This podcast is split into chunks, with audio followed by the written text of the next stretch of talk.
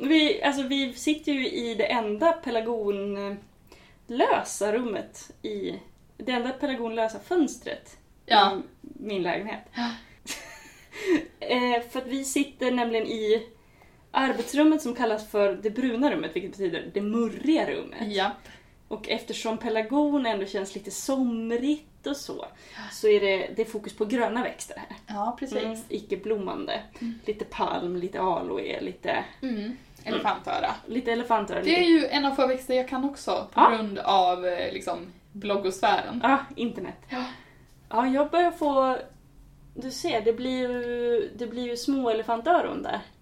Den spontanförökar sig. Ja! kan man gräva upp. Det var jag... Du kan få med en hem idag. Åh herregud, på min önskelista i, jul, i julklappsönskelista Ah. så, så skrev jag ju typ växter, till exempel en sån här, skicka en bild på en sån här, för jag visste inte vad den hette. Ah. Och då bara, elefantöra, ja, du eller mamma.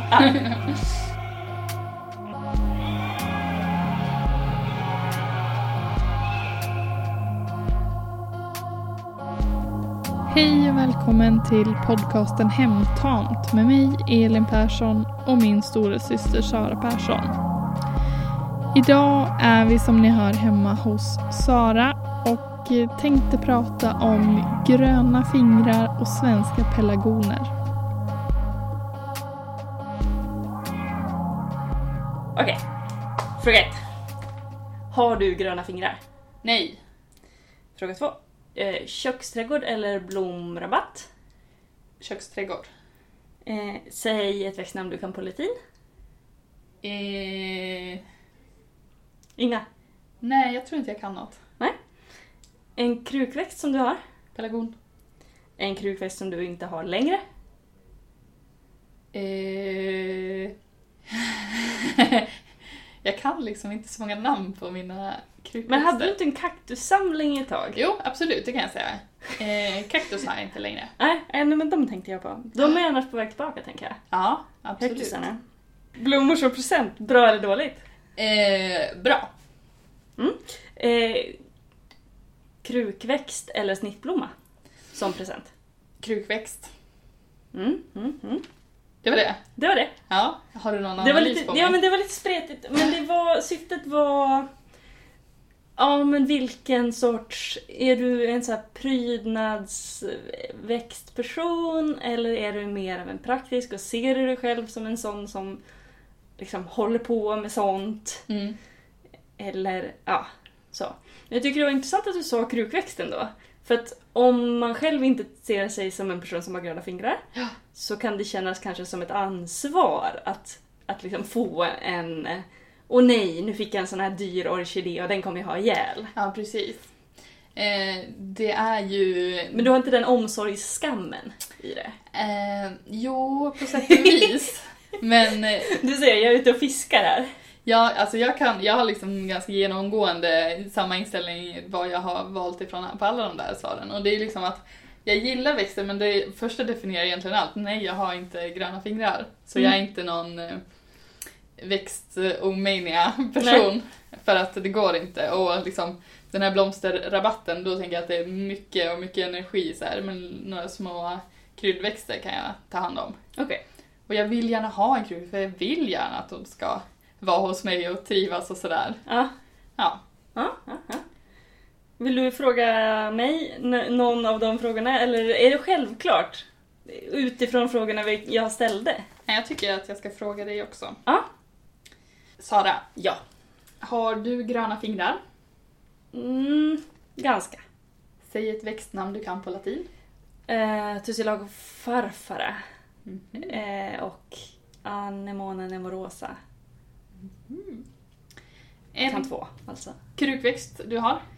Eh, jag borde säga pelargon men jag ser elefantöra här och tar den därför. En krukväxt du inte längre har? Monstera hade en stor fin monstera och de är väl också väldigt nu. Att det är många som vill ha stora såna här gröna rumsväxter. Ja. Jag tror att den hade det för mörkt hos mig i min förra lägenhet. Så den... mm, Ja. mm. Blommor som present, bra eller dåligt? Bra, mycket bra. Köksträdgård eller blomrabatt? Båda. Snittblommor eller krukväxt, var inte det också en fråga? Jo, men den hörde ju till... Ja, jag skriver lite dåligt där. Jo, men... Ja, Eh, jo, jag tycker nog en snittblomma. Ja. För att jag tycker att det är något så här... äh, Inte som att jag är emot att få krukväxter själv. Men det är något liksom extra lyxigt Ja, det är med att ge bort något som snart kommer försvinna, men just nu Ja, är det så himla fint. jag vet. Det tycker jag också är jättefint. Och eh, jag fyller år i tulpansäsongen. Jag Mm. brukar vara väldigt glad att få tulpaner då. Mm. Men eh, annars så att jag vill ha krukväxter som present det är ju liksom att eh, mina krukväxter har dött ganska många gånger. Mm. I eh, förra våren så satsade jag och eh, då hade jag ganska många fönster som jag fyllde med krukväxter. Mm. Tog ändå okej hand om dem. Jag ser till att ha sådana som klarar sig om jag Mm. glömmer dem Mm. i två veckor. Mm. Eh, men sen hade jag en inneboende, eller nej, jag hyrde ut min lägenhet och när jag kom tillbaka så var väldigt många döda. Mm. Men så nu i min nya lägenhet så har jag liksom samlat och eh, fått ganska mycket blommor av mamma och sådär. Mm. Som jag, jag liksom håller på och fyller. Nu är det ganska trångt i och för sig. Men eh, jag försöker och mitt eh, nyårslöfte Mm. i år Mm. det är att eh, vattna blommorna. Okej. Hur, blir det, hur kommer blommorna ha det i sommar? Eh, de ska flytta med mig hem De kommer flytta med. på oklart vis. Mm. Men ja, För det är väl lite, lite där jag, alltså så här, jag tror att jag, alltså jag ger gärna råd om blommor. Mm. Alltså, jag vill gärna framstå som en person som har gröna fingrar och tror att jag lyckas med liksom, ja men andra skulle nog säga, ja jo, det, Sara vet hur man, ja, ja. absolut. Eh, men eh, det har liksom, att jag inte riktigt kan säga det själv, det faller lite på dedikationen, eller liksom så här varaktigheten. På sommaren, då kan jag liksom hela våren, åh, odlingspepp, åh, sätta tomatplantor, åh, plantera om, åh, mm. Sen får man liksom någon slags semester eller sommarlov och då vill man ju bara vara borta i två veckor i följd och peta ner någon petflaska full med vatten i sin tomatkruka. Ja, Det räcker ju inte. nej. Då, utan då skulle jag liksom behöva skaffa en blomvakt. Och det har ju också på något vis känts överdrivet Ja, att blanda precis. in andra personer i, i, i mina odlingar. Liksom. Ja, Så därför brukar det liksom, sensommaren brukar inte vara något vidare liksom utdelning utan det är egentligen våren och försommaren som är så här. yes! Mm. eller hur?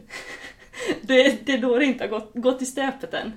Men då är det inte riktigt eh, eh, det här odlingsgrejen grejen med växterna det blir, utan det blir ju mer att, eh, alltså krukväxter. Ja, fast jag vill ju gärna. Ja, Så kryddväxter försöker jag ju med varje år. Tomaterna har jag bestämt mig för att inte ha i år. Mm. Just för det att de brukar torka ut för mycket och så blir det ingen frukt och det är så snopet att ha en jättestor planta som ger så här en liten cocktailtomat ja i september. Ja. precis. Eh, att det känns mer som ett, kan kännas lite mer som ett hån än som ett, liksom, en framgång. Mm. Jag Ja. tänkte på det här, du frågade om eh, ja, växtnamn på latin och Mm. blomväxter, nej krukväxter jag har haft och sådär. Mm. Alltså, jag är inte så bra på att prata om blommor och växter. Därför är det kanske kul att vi har det här avsnittet. Ja. Eh, jag eh, var på middag hos några kompisar Mm. för några dagar sedan. Och eh, då så frågade jag lite, men det var en person som var väldigt växtintresserad förstod jag. Mm. Eh, och frågade lite, pratade sådär. Och så frågade hon mig, ja vad har du för växter? Mm. Eh, jag sa, ja, pelargoner har jag. Och de andra vet jag inte vad de heter. Ja. Och det var tydligen lite konstigt. ja men det är väl, ja.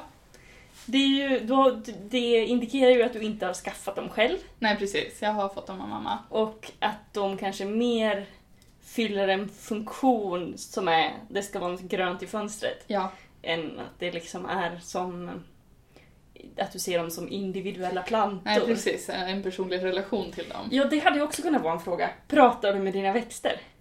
Eh, nej. Nej. Nej men det gör inte jag De är ju heller. nästan mer föremål än levande. Ja. ja, men det är de ju. Ja. Eller annars, om man ska dra det till sin spets, annars blir det ju jättejobbigt. Ja. Eh, ja, nej. Eh, Inte blir det mycket snack på de här blommorna.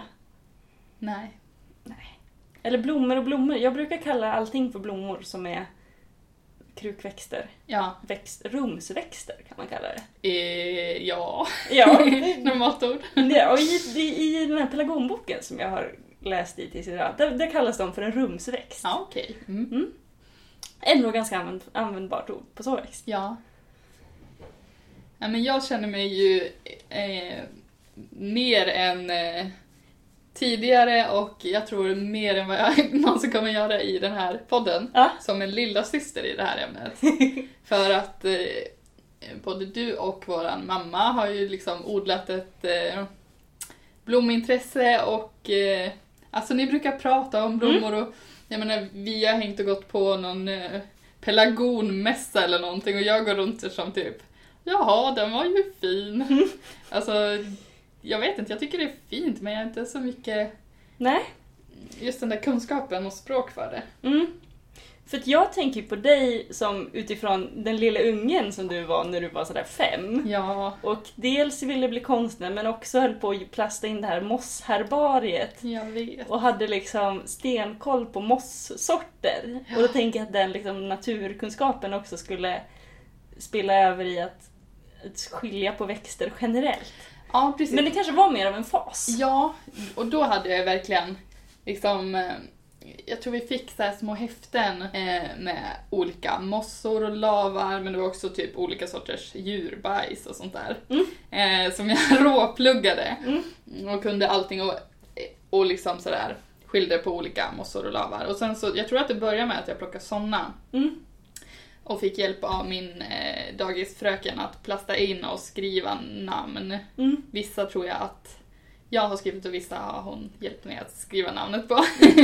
Femåring. Och sen så var, blev det blommor och sådär också. Mm. Samlat i en glassburk, Mm. inplastade på kartongbitar. Yes. Ja, det är fint. Ja, för det är ju en gammal... Det är ju en, en, en gammal fin tradition det här med att ha ett husherbarium. Ja, precis. Som känns, känns väldigt otidsenlig. Ja, Men mysig. mycket. Ja. Lite sugen på att pressa lite växter. Kan göra något fint med det kanske. Eh, Ja, nej. Där är inte jag. nej.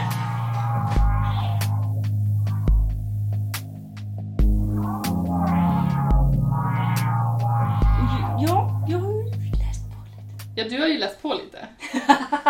ja, jag har ju läst på lite. Eh, och dels har jag läst på lite just inför idag. Jag har äntligen! Jag har haft den här boken ganska länge men inte läst i den. Och alltså, det är min nya favoritbok typ. Den heter Pelargoner kulturarv i kruka. Av Karin Martinsson. Eh, som verkar jobba vid Uppsala universitet. Eh, och boken gavs ut Ja, när gavs den ut? För några år sedan. Jag tror att den är ganska svår att få tag i. Ja, 2000 gavs Ja, gavs okej. den ut. Så tid.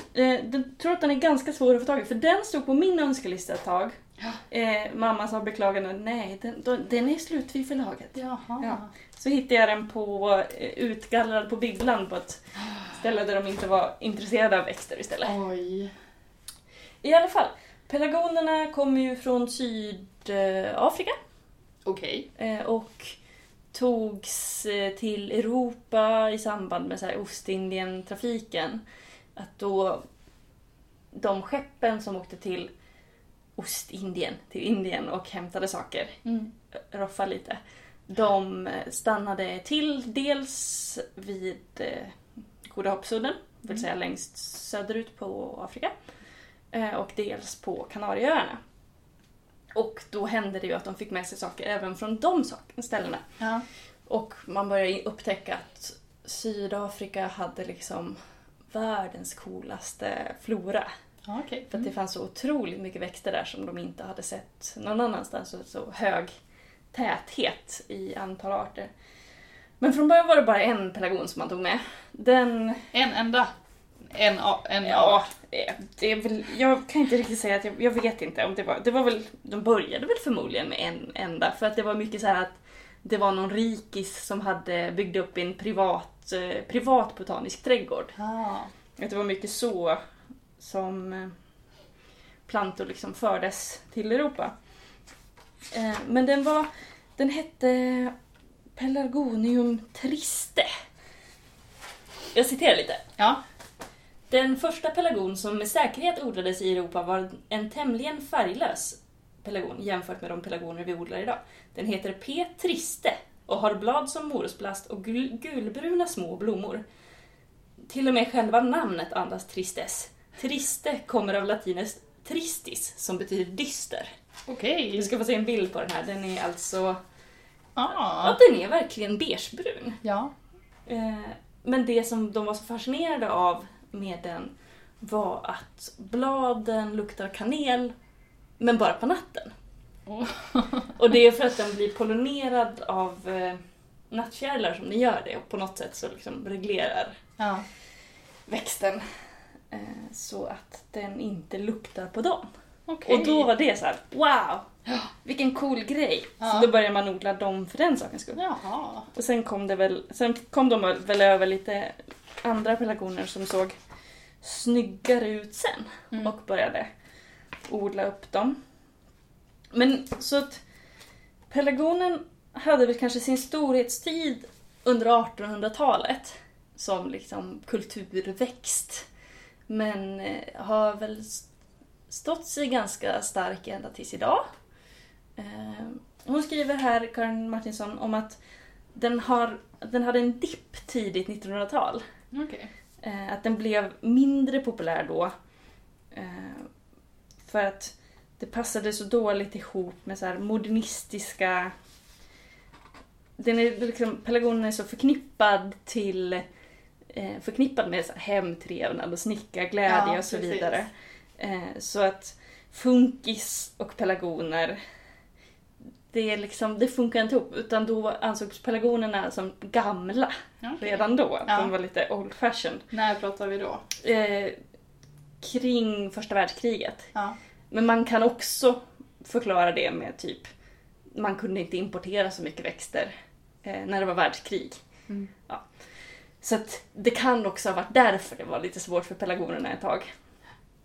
Eh, men de har fått någon slags, någon slags eh, revival får man väl helt klart säga. Från Ja. 50-talet enligt den här då så har de liksom kommit tillbaka igen och så från 90-talet har det börjat komma mycket så här Ja men det finns ju väldigt många olika sorters idag. Dels så finns det ju sonalpelargoner som är den stora huvudgruppen som är till exempel Mårbackapelargonen är en sonalpelargon. Typ alla såna här 4 för 100 pelargoner är sonalpelargoner. Ja, du förstår ingenting. Men det är en särskild sorts pelargon som ser ut som det man tänker på när man säger pelargon. Okej, ja. Eh, sen finns det ju hängpelargoner som man liksom... Ja, de, de växer inte så mycket uppåt utan de växer väl krypande om de växer i vilt. Ja. Och därför måste man ha dem i en ampel. ja. Så finns det sådana som doftar och så finns det sådana som kallas för engelska pelargoner för de, de är mycket styvare. Så de är buskigare i hela plantan. ja. Doftpelargonerna är väl ofta närmare så här vildpelargoner. Jag blir ju rädd. Du blir rädd. Jag gillar inte att höra massa saker jag inte kan. Jag Men- bara, okej men du kanske inte bryr mig om pelargoner alls.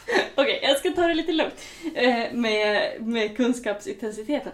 Mitt pelargonintresse, det började väl för kanske 7-8 år sedan, någonting sånt. Ja. Eh, just jag och mamma var på trädgårdsmässan i Älvsjö och blev lite överväldigade. Det var så mycket av allt. Och det var så mycket som var så nischat. Ja. Och liksom alla de här um, en, en växtsorts eh, föreningarna som stod och liksom jag kommer ju inte ihåg liksom vilka som hade men jag kommer ihåg att köttätande växter det var de enda som hade ett mörkt ett mör, eh, det var de enda som hade en, en, mör, en monter i mörka färger och det var Ja. den enda där var män också. Okej. Ja. Eh, men annars kunde det vara sådär en Sa- Sankt Paulia-förening eller Ja. en, ja, jag vet inte riktigt. Eh, Men där liksom väldigt medvetet så bestämde vi oss för pelargon. Okej, ja. Okej, man ska ha en grej. Ja. Vi tar pelargon då. Ja. Ja, och så gick vi väl runt där och köpte ett par stycken var. Jag tror mamma köpte någon sån stjärnpelargon som är lite spretiga. Blombladen är liksom lite uddiga. Så att själva blomman ser lite ut som en stjärna. Mm. Den tror jag hon har kvar. Och någon engelsk. Jag köpte någon engelsk som har dött. Och eventuellt någon liksom rosen eller sån som jag har kvar. Mm. Mm. Med då att rosenpelargoner har fler blomblad. En helt vanlig har fem blomblad i en blomma. Okej. Eh, Men det finns sådana som har så här dubbla eller mångdubbla lager och därför kan se ut som en så här fyllig Aha. ros. Rosebud eh, pelargoner. Ja. Eh, men som sagt, det finns ju en hel... Det finns en hel värld av pelargoner. Ja, alla pelargoner jag har det är ju skott Ja. av din och mammas. Ja, men det är faktiskt det säkraste sättet att föröka pelargoner på. Mm. Eh, för att när man frösår pelargoner så vet man aldrig riktigt hur de blir. Ja, Okej. eh, Enligt då den här boken. Att det liksom, vill man veta att man ska få, vill man veta vad man ska få, Ja. då är det ett skott man ska ta. Ja. Medan frösådd, det kan liksom, då kan det ske lite olika förändringar. Så ja, man har, i Sverige har man sålt pelargonfrö för, med lite så här slumpargument. Ja, Okej. Mm. Så det blir spännande. Du kan få en massa olika. Aha. Eh, Men jag har... Jo, de har också fått... Alltså, man har ju... Dels så finns det ju sådana sorter som man inte har odlat fram, utan sorter som man har hittat helt enkelt och tagit till krukväxter.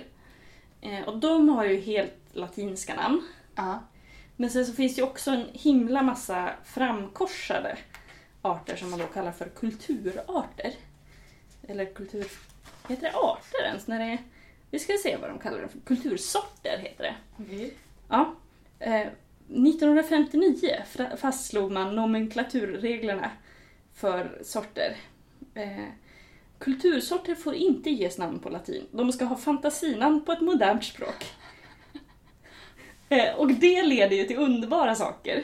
Eh, så som eh, gamla tyska 1800-talssorter, för att man har ha- använt populära namn redan innan man var tvungen att använda populära namn. Så har man liksom Mm. använts 1800-talssorter med långa och högtravande namn såsom Graf Ferdinand von Zeppelin eller Grossherzogin Hilda von Baden.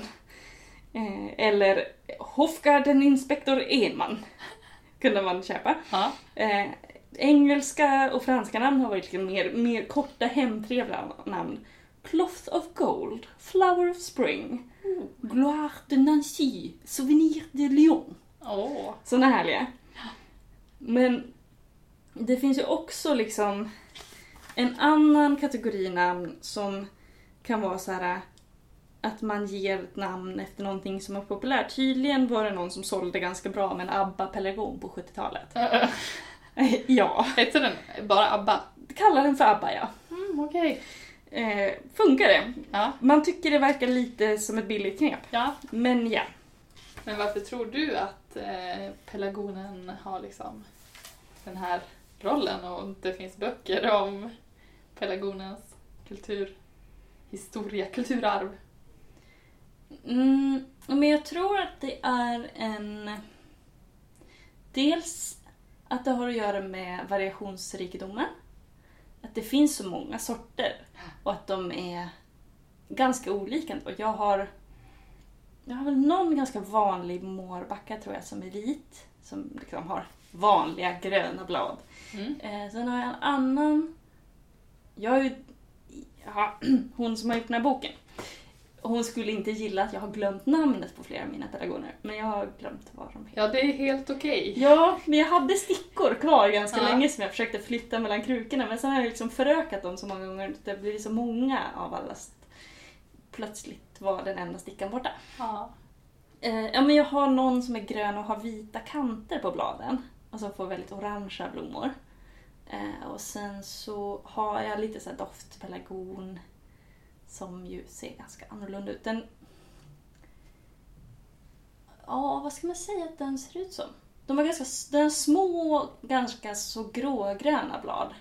Som ser lite dimmiga ut. De är inte, det är inte alls den här lite blanka, håriga ytan som Mm. stora pelargoner kan ha. Eh, det är ganska svårt att googla växter. Det är det. Det, man skulle ju kunna tänka sig, det går säkert nu när man kan googla bilder sådär. Men man får någon känsla, man vill bara så här skanna in bladet så bara, vad är det här? Mm. Men eh, det är ju ganska svårt liksom. Mm. Det är mycket som har en enkel väg till att bara ta reda på vad det är, men det är kanske är därför jag inte vet vad mina heter heller. Mm. Att man behöver, det behöver vara en person som har en expertis i princip. Precis, man behöver prata om det. Det här är... Eller det här. behöver finnas en samling som man kan Ja. jämföra med. Jag frågade dig varför Toru-pelargonerna har den här... Ja, just det. Ja, just det. Den har det finns många sorter. Men jag tror också att det här med sticklingsförökningen är ganska viktigt. Ja. Det här att det enkelt blir flera. Mm. Man kan enkelt, alltså alla behöver inte köpa utan man kan också få av, Ja. av någon man känner. Eller man kan köpa en och sen göra flera. Eh, Det är ju lätt hänt att det blir ett helt fönsterbräde pelargoner av en pelargon. Ja. Om man inte råkar ha ihjäl den. Något, alltså så här, har den överlevt en vinter då behöver den beskäras. Ja. Och då blir det flera. Ja. Så det tror jag är en grej. Sen så... Ja... Jag tänker att den är lagom främ, alltså i Sverige lagom främmande. Den är ju då enligt så här, Linné så är den ju släkt med nävväxterna. Som ju finns väldigt mycket i Sverige. Midsommarblomster Ja. och sådana. Att den, är, den är släkt med det. Och börjar man tänka efter så ser man det både på bladen och blommorna. Ja, att det, de är uppbyggda på ett liknande sätt. Mm. Eh, Men samtidigt så har de ju en lite... Ja men de, är, de, de är samt, har samtidigt något exotiskt över sig. Så jag tänker att de har liksom kvalat in på lite samma, lite samma kvot som torkad ingefära och kryddnejlika i det svenska köket gjorde. Ja. Att det är så här, det främmande som finns tillgängligt och då liksom bakas in i föreställningen om det svenska. Och nu... För att det är attraktivt, för att det är främmande från början. Ja, precis. Men nu känner jag att det är liksom en... Det sa ju du också, men en symbol för hemtrevnad Mm. och alltså ganska ett svenskt Mm, ombonat hem. absolut. Elsa Beskow har i Sagan om den lilla, lilla gumman. Ja. Då står det pelargoner i fönstret och sån här pelargonkrans runt en av bilderna. Ja. Vilket väl också har bidragit till att bygga upp. För det finns ju många andra gamla rumsväxter som är mer anonyma medan pelargonerna har liksom... hm. Och jag undrar om inte det också de här populära namnen, alltså att de kan heta något, något ganska så lustigt, eh, också kan, ha bi, kan bidra till populariteten. Ja. Att, ju, att, ha en, att ha en mårbacka, Mm. det låter ju härligare än att bara ha ja, en aloe. Ja. Ja, eller att ha... Det är klart, det är subjektivt. ja, precis. De har ju ganska roliga namn. Alla också. blom... Okej, men, men på något sätt så tänker jag att det är lite sån här äh, fint för alla Ja, precis. finns inbäddat i de här, de här namnen. Att de kan vara lite magiska på det sättet. Jag har en eh, miniatyrpelargon med ljusgröna blad och starkt rosa blommor som heter Grinstedt Kleine Liebling. Ja. Den lilla älsklingen. Och det är liksom... Det, kän, det finns ju någon slags kärlek i bara så här... Mm, den, den har ett sånt namn och den... Ja. Den pryder sin plats i hemmet. Ja.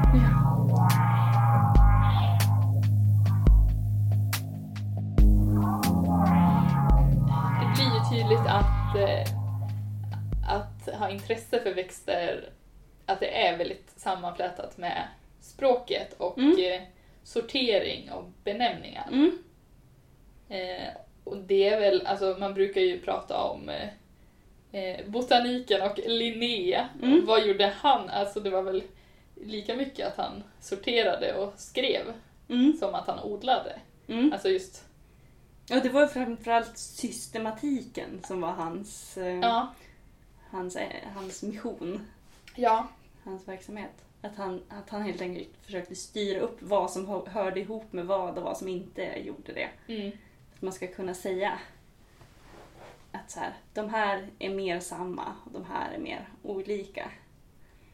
Men det är väl också ett sätt att bara att ha ett internationellt språk för blommor. Mm. Så att man inte behöver, bara för att man har olika språk, kalla samma blomma för olika saker.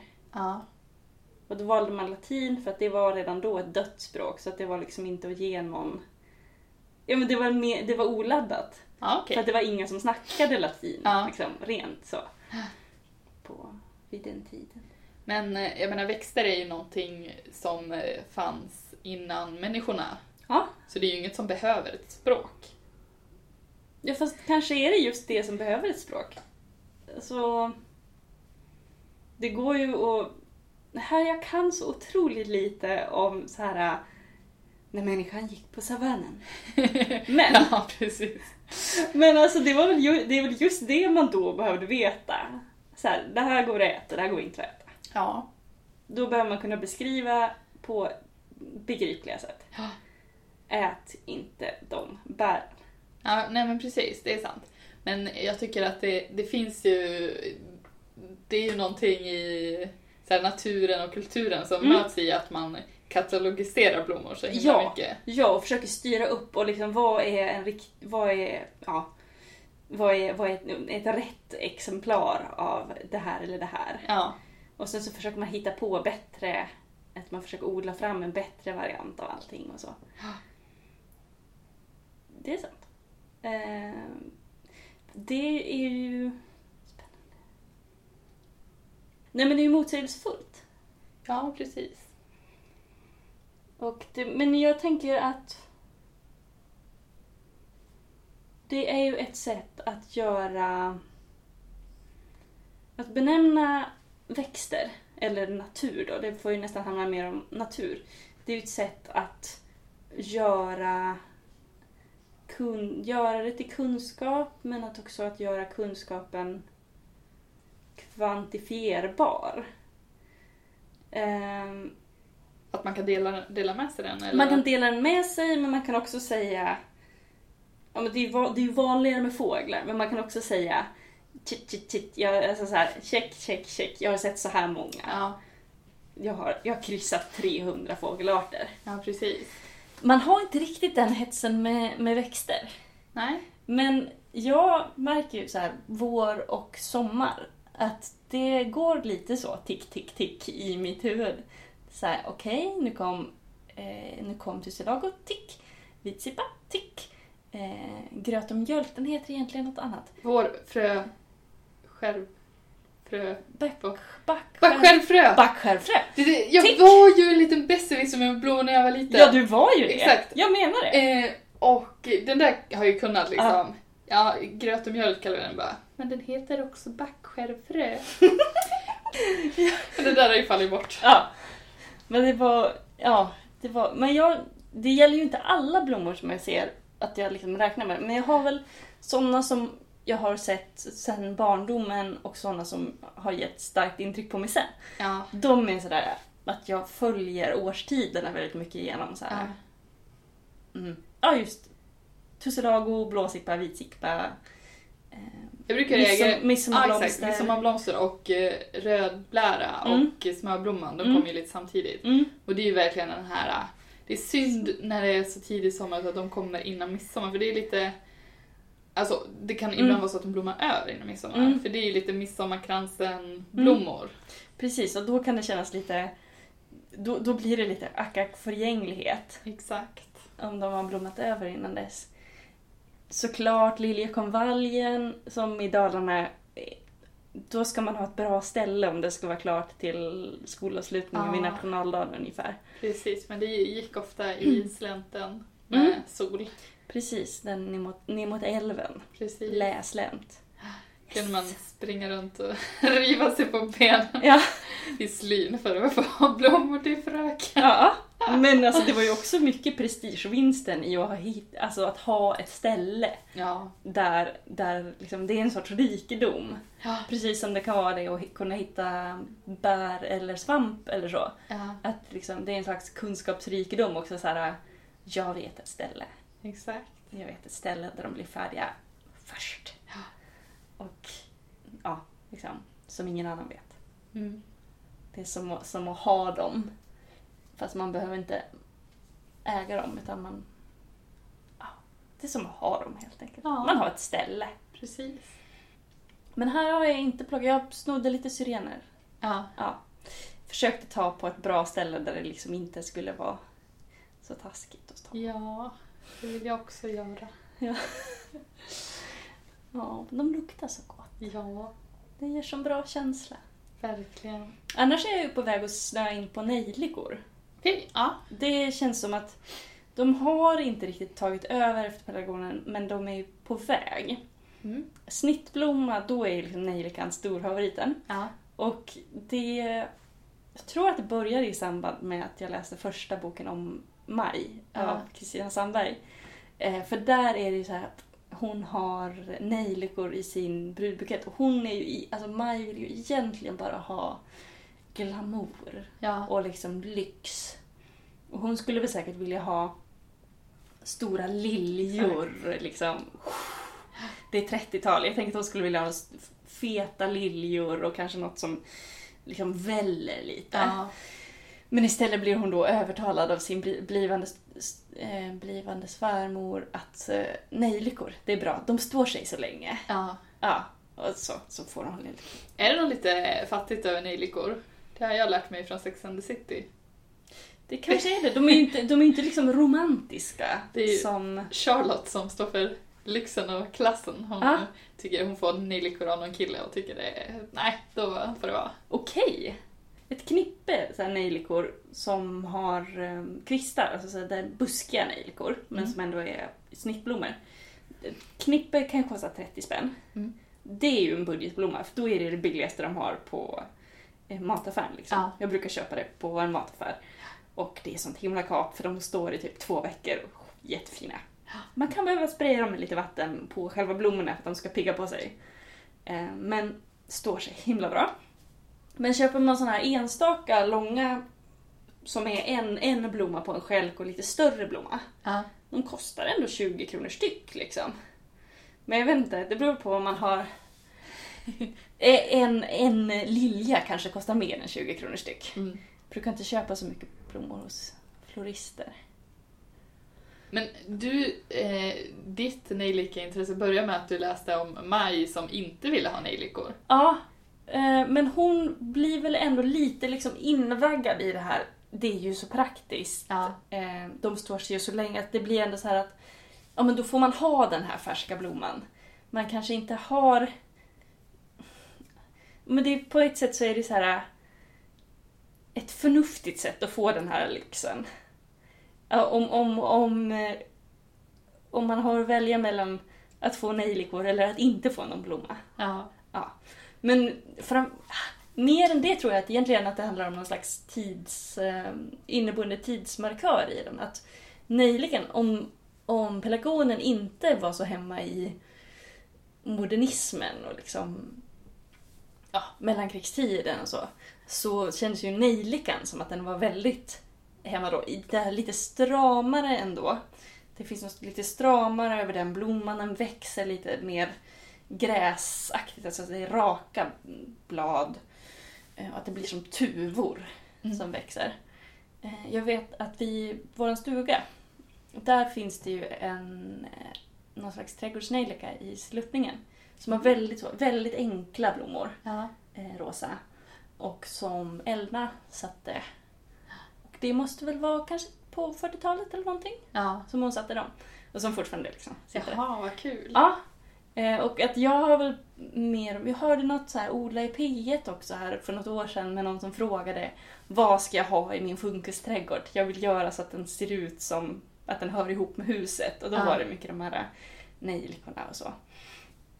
Eh, Så att jag har börjat bli väldigt förtjust i dem och sen har jag lite trädgård, några trädgårdsnejlikoplantor i en blomlåda på balkongen nu. Ja. Och de luktar så, de luktar så gott. Man får, man får inte äta dem, det stod på, det stod på plasten. eh, men nejlikan är ju också en, det är också en krydda. Jaha, Alltså kryddnejlika, du Ja, vet just om du sätter i apelsinen. ja precis. Så tänk dig den lukten. Jaha. Den lukten kom, kommer på nätterna. Nej men. Ja, utsöndras ur blomman. Ja. Mycket mysigt. Mm. Och så står de sig så länge. Det är ju så praktiskt. Det är ju så praktiskt. Jag tror att de har stått en månad nu. Och det är ju liksom, de är ju plantor liksom. Ja. Så att jag räknar med att de står åtminstone en månad till. Men jag tror knappt att de blommorna som var först har blommat över riktigt. Tagit bort några av dem. Står sig så fint.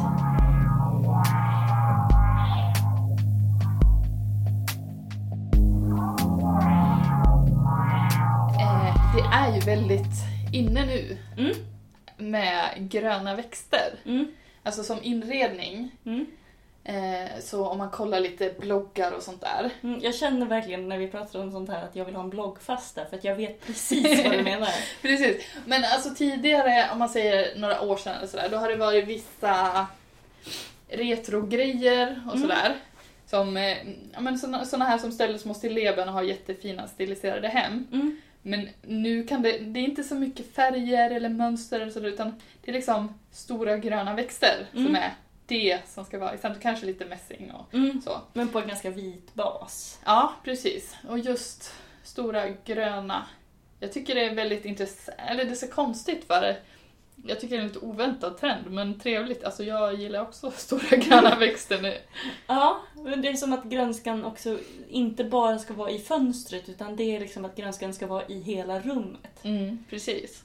Jag, Lite kan jag känna typ, ja, varför har inte det varit så tidigare när det är så trevligt? Jag tänker så här. De kommer att dö. När det blir vinter. Okej. Jättemånga växter behöver ganska mycket ljus. Ja, Eh, Så att man behöver typ ha specialbelysning. Det brukar inte vara så snyggt. nej. om, man ska, om man ska ha växter långt in i rummet.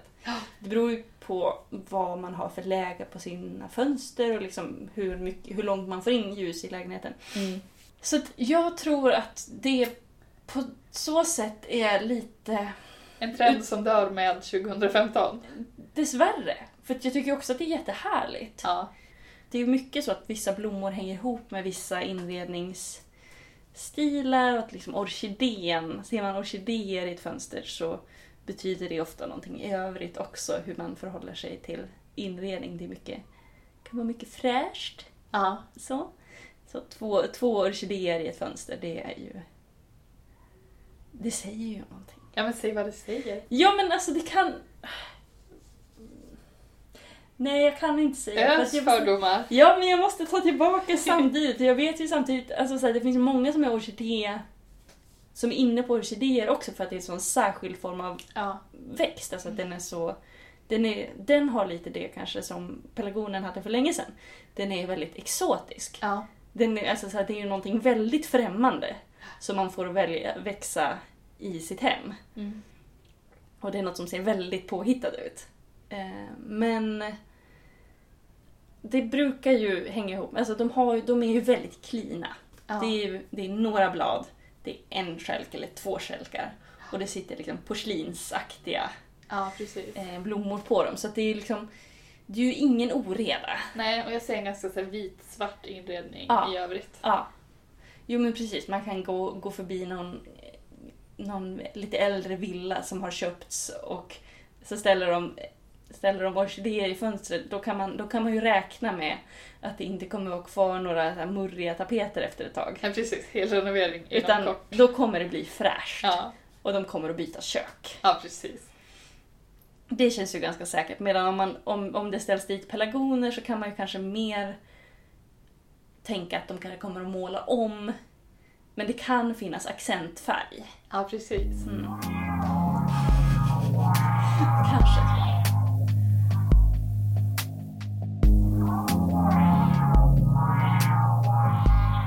ju prata om köksträdgård och blomsterrabatt. Mm. Jag tänker att när det gäller blommor så får man kanske ändå tänka på dem som lite så här skönhet som nytta. Ja. Att krukväxter, inomhusväxter och trädgårdsväxter har liksom ändå sett som ett ganska viktigt inslag i att skapa trevnad. Ja. Och att, att trevnad är liksom inte bara någonting för fint folk eller så, utan att, att, att, att skapa trevnad, det, det är något liksom värdighet i det. Ja.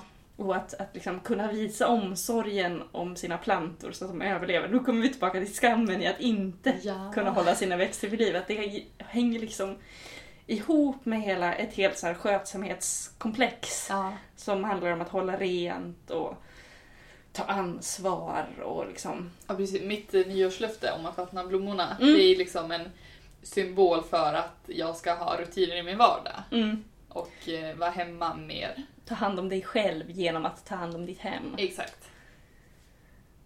Ja, mitt...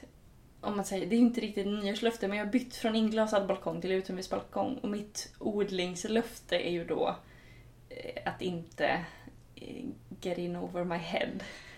Att, att inte odla sallad, att inte odla tomater. Utan nu blir, det- nu blir det kryddor och blommor. Ja. För att kryddorna, då får, får man ändå den här härliga känslan av Åh, jag ska bara gå ut och nypa en kvist på balkongen. Precis. Vilket jag gjorde när du skulle äta, på mid- äta middag här igår. Precis. Det var på riktigt så att jag skulle ha basilika. Men det var också härligt att vinka från balkongen. precis. Eh, Men och att blommorna, blommorna är liksom där, och då är det nejlikor och pelargoner, de är ju där för att ge den här känslan av ombonat, bry sig om. Här är det fint. Ja. Att det tyckte jag var extra viktigt. Nu, nu har ju träden utanför fått ordentligt med... Men innan, innan träden fick ordentligt med blad, så här i april, när allting bara ser ganska så fult ut utomhus och det liksom är en ganska oordnad yta nedanför vår balkong. Det är en gräsmatta som massa folk går kors och tvärs över så den ser lite lerig ut och så. Då blev jag så här. men det måste vara något fint där. Ja. Jag måste ha någonting som blommar. För annars ser det för ledsamt ut. Det är liksom så här blomman som är så här. Här är det någon som bryr sig. Ja. Jag tänker att där har ju blomman som present en ganska stark så här. Ja, det är nog en väldigt stark symbol som omtanke. Ja. Men jag undrar över, alltså, för jag kan känna att, eh, att blommor är fint. Mm. Eh, Att det är någonting mer än att det är symboliskt. Mm. För att det är ganska mycket för att tro i många fall. Mm. Men just att se en blomma och eh, bli glad. Mm. Så det känner det, alltså se en blomma i ett dike och bli glad för att det är vackert. Mm. Alltså det känns som att det är någonting eh, biologiskt. Känns det existentiellt? Ja. Liksom. Ja, de blommor och liksom att ha växter i dike, vill säga där civilisationen inte helt har tagit över, eller inomhus. Att liksom, det är ju egentligen en väldigt konstig grej det här med att ta in växter. Ja, Man bygger ett hus, sen plockar man in växter i huset. ja precis. Varför gjorde man ett hus? Eller liksom, ja. ja, det, ja. Men ungefär så. Eh, ja, det, ju, det ligger ju ganska nära till hands att dra någon slags biologiska växlingar, växlar på det. Ja. Och trädgårdsterapi, Ronny. Björnssons Den hemliga trädgården som jag tror att jag nämnde i förra avsnittet. Han skriver ju också om eh, trädgårdsterapin. Ja. Eh, hur den, liksom, den är ju en, en, en, en terapimetod som det var väl ja, för ett tag sedan när utbrändhet, eh, utmattningsdepression, blev, blev vanligare så började man utveckla också eh, trädgårdsterapi som en terapimetod som liksom hjälper just folk som har stressat sönder sig. Ja. Eh, för att växtliv tar tid. Och att liksom så här få sätta någonting som man ser att det växer och att få ge det liksom omsorg. Att det ses som en väldigt läkande process. Eh, som väl också ger någon slags helhets helhetskänslor. Mm. Eh, som också kan vara så här, jag är en del av det här sammanhanget.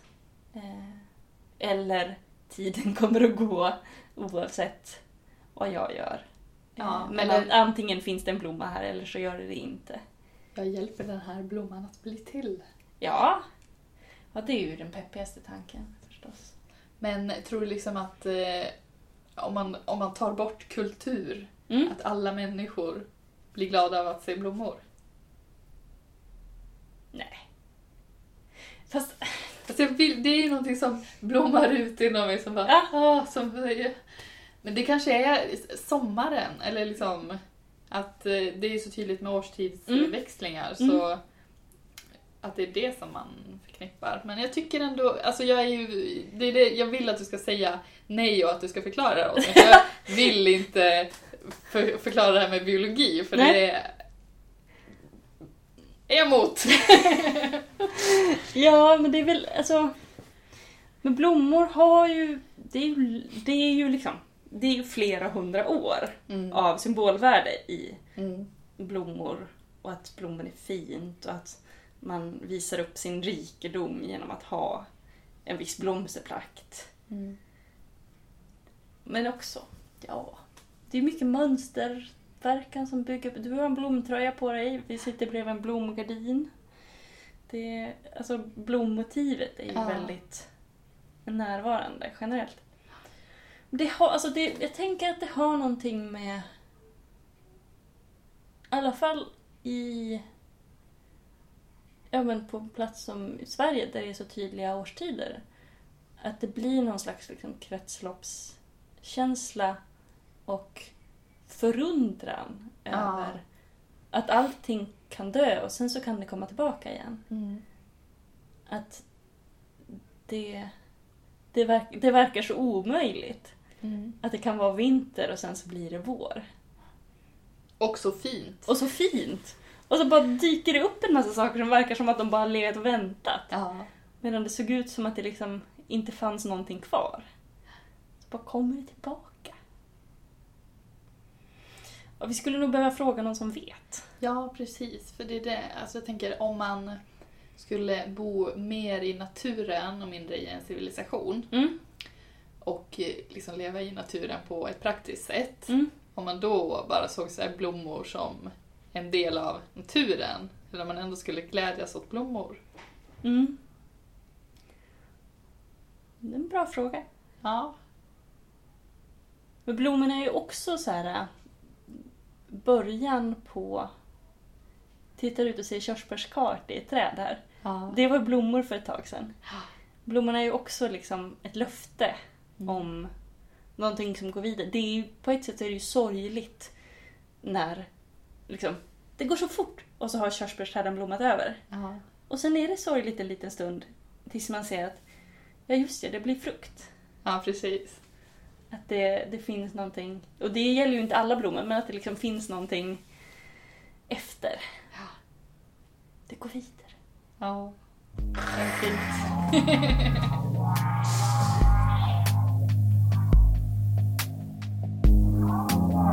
Nej, men jag, lä- jag kan läsa ett citat här.